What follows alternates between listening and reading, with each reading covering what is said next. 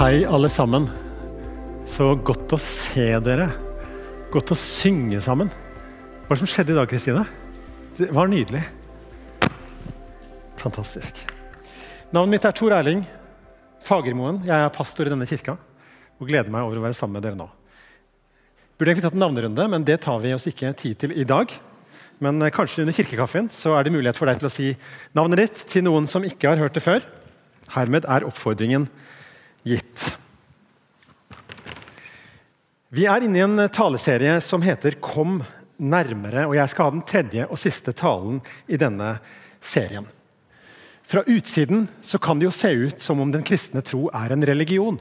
Og Det går godt an å beskrive den sosiologisk eller vitenskapelig som en religion. Men du og jeg som tror på Jesus, og som har et innsideperspektiv, vi kan fortelle om at det handler ikke om en religion, men det handler om en relasjon.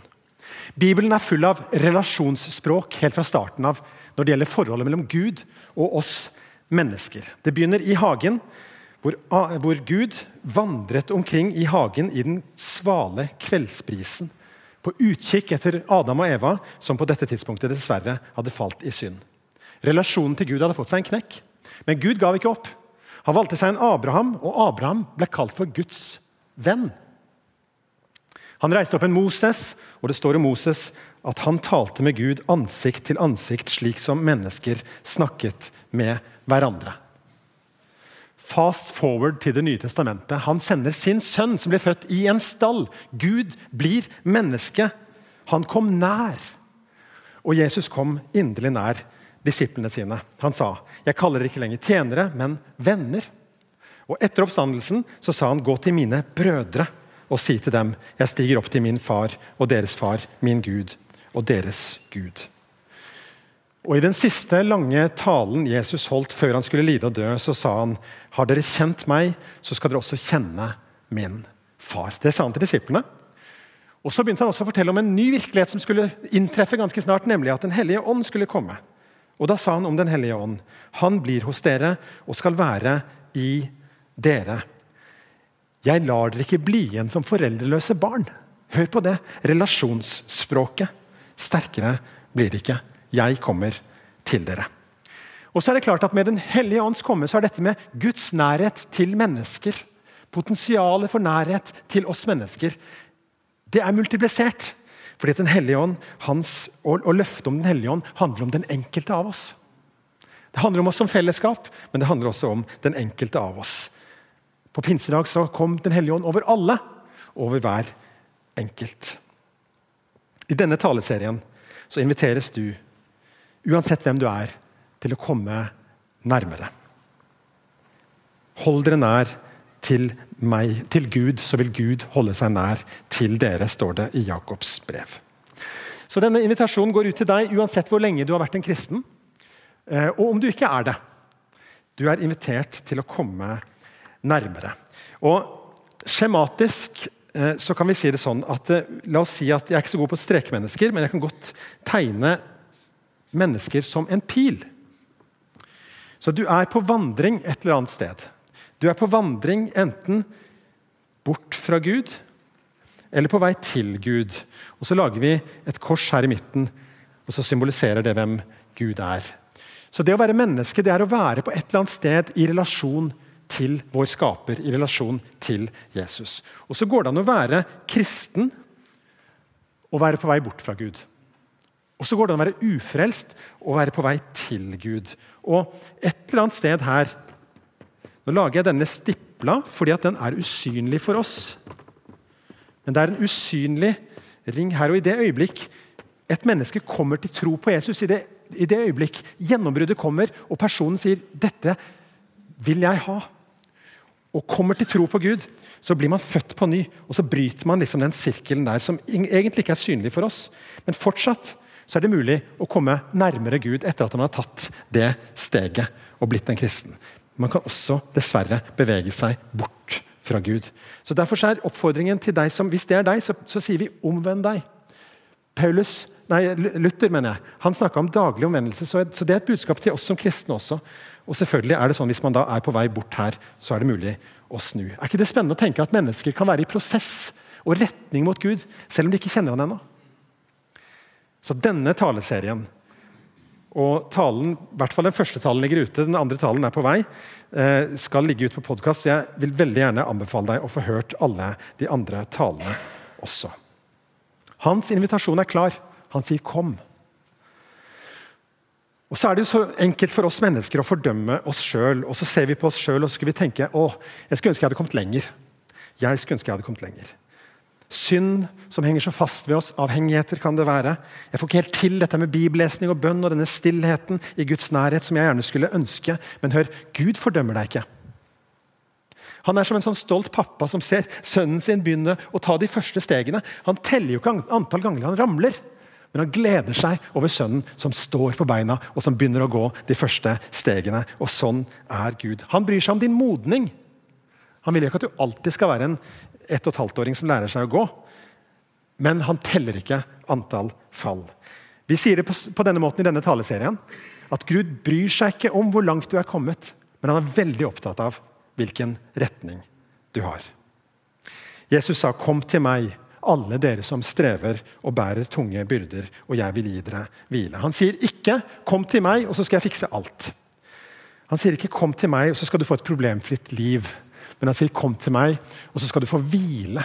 Fra det der kavet, fra det der maset om å være god nok, om å være akseptert, om å være elska. Den gode nyheten er at han elsker deg allerede sånn som du er. Og så inviterer han deg inn i en stadig dypere relasjon med seg. Kom nærmere. Så Chris starta taleserien med å snakke om å komme til Gud. Og du som var her, eller du som har hørt podcasten, eller som kommer til å høre podcasten, du kommer til å høre at det handler ikke bare om å komme til Gud for første gang. Som en, som en invitasjon til ufrelste, men det handler også om en invitasjon til deg og meg om å komme til Gud. Han har satt himmel og jord i bevegelse fordi at han elsker deg og vil ha relasjon med deg. Derfor så talte Chris om å komme til Gud. Og Så fortsatte Steinar og fulgte opp søndagen etterpå med å gå dypere med Gud. og Da snakker vi om dette å være disippel og dette med å etterligne Jesus og følge ham eh, ved å imitere hans levemåte. Vi inviteres til å gå dypere også på den måten at vi lar våre vaner farges av Jesu vaner, og dermed så formes også vårt liv. Og I denne tredje talen så skal jeg snakke om noe så ambisiøst som å samarbeide med Gud. Gud. Bibelteksten min står i 1. Korinterbrev kapittel 3 og vers 6. og Der står det 'Jeg plantet'. Det er Paulus som snakker. Apollo vannet, men Gud gav vekst. Og så Litt lenger nede i samme kapittel så sier han 'Vi er Guds medarbeidere'. Så jeg har altså ikke tatt munnen for full når jeg snakker om at vi er Guds medarbeidere. Og Det skal vi snakke litt videre om i dag. For litt mindre enn et år siden så tok vi som familie over et nytt hus. Et nytt hus var det jo ikke, det var bygd på 80-tallet, men det var nytt for oss. Eh, og det var en god del herligheter som var innbygd i det huset, bl.a. et drivhus. Og når eh, våren kom og, og, og begynte å, vinteren begynte å slippe taket, så, så, gikk jeg ut og, og renska opp alt som var av gamle vekster, og til og med spylte vinduene i dette drivhuset eh, med varmt vann. Ikke noe kjemikalier, for jeg ville ikke eh, lage noe skade. Jeg kjøpte eh, fire 50 liters poser med jord, inkludert noe kukompost, og jeg la den jorda utover. og Her ser dere også at vanningssystemet er også arva. Det er ikke mitt system, men det, det virker, og det vanner altså mitt drivhus én time hver dag. Men hvorfor blir det ikke noe vekst?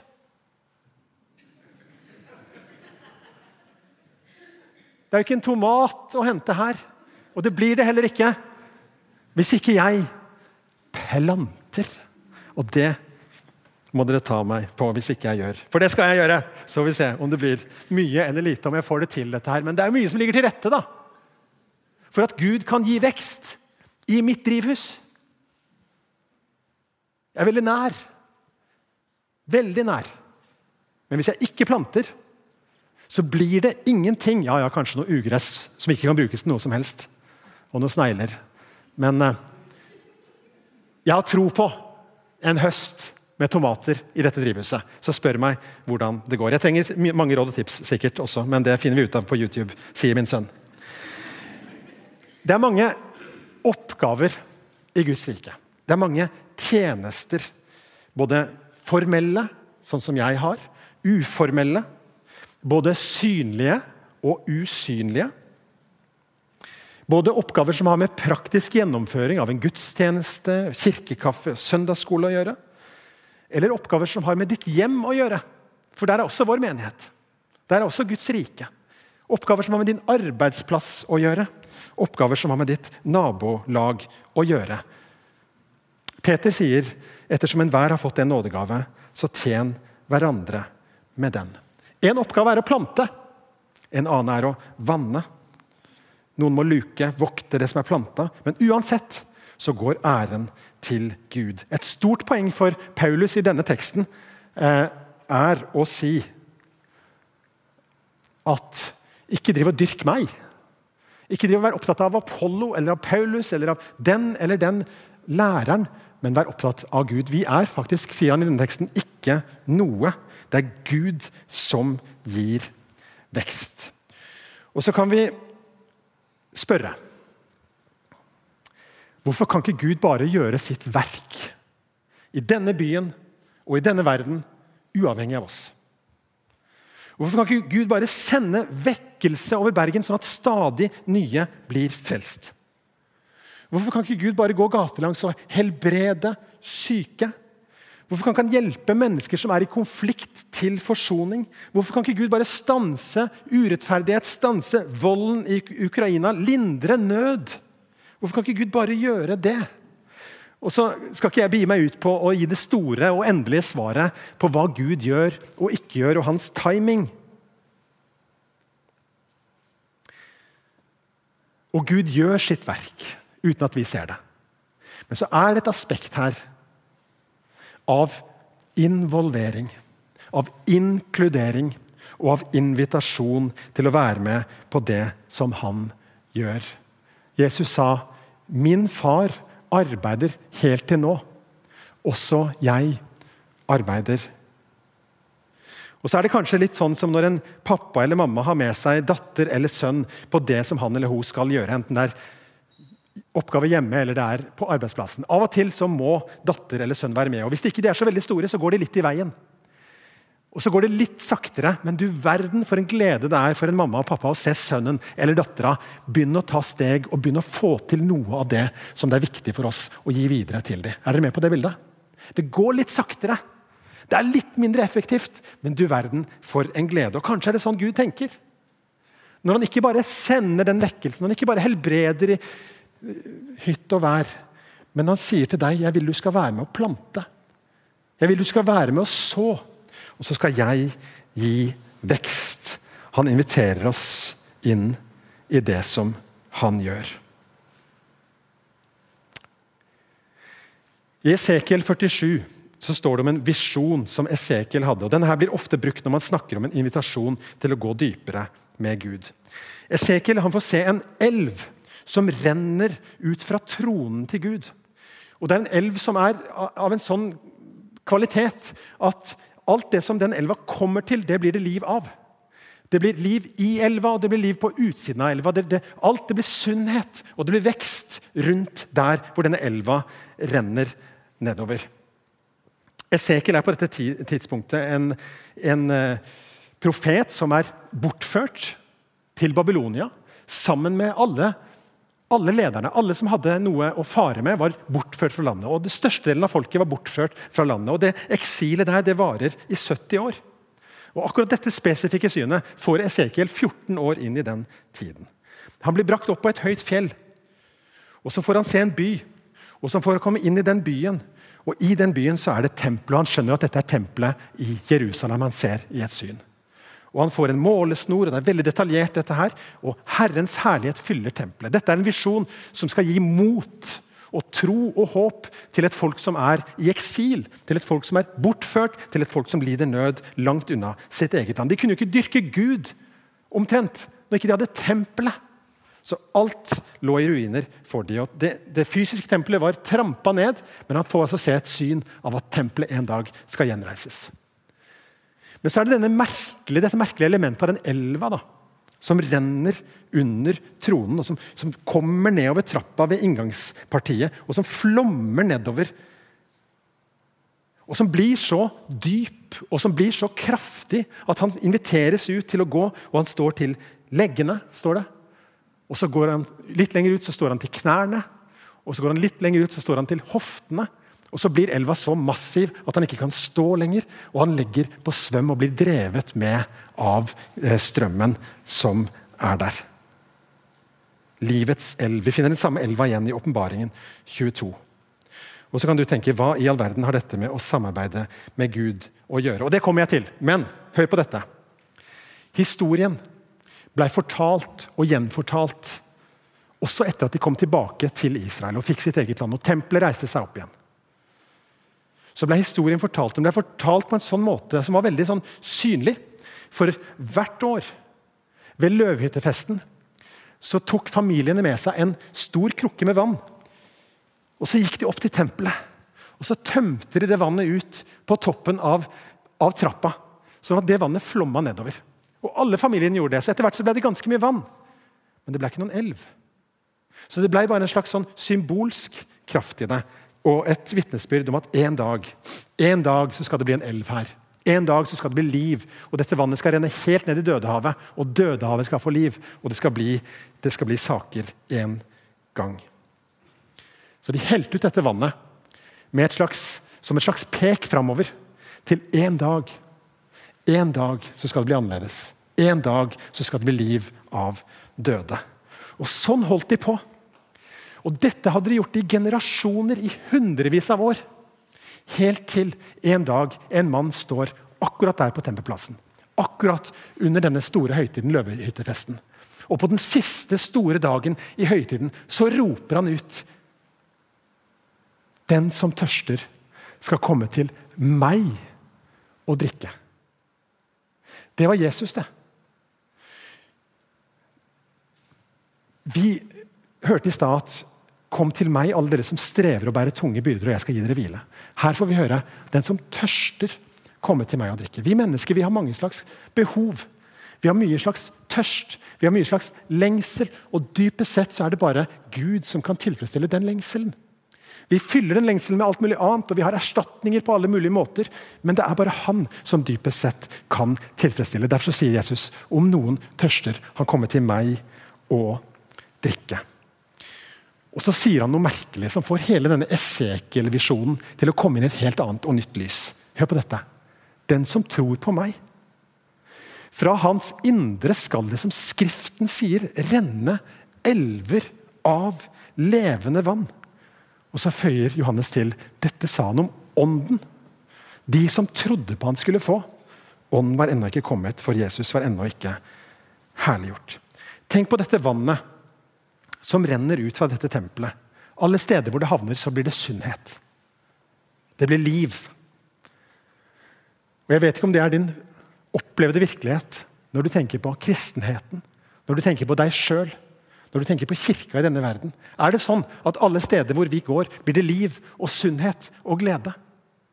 Det er ikke sikkert det er din opplevde virkelighet, men folkens, kan vi sånn som Israel-folket få løfte en visjon? Og drømme om en tid og drømme om at her er det noe som er en troens realitet, selv om ikke vi ser det ennå. Det vil jeg gjerne holde fram. Vi trenger ikke å se lenge på nyhetene før vi ser krig, vold, urettferdighet.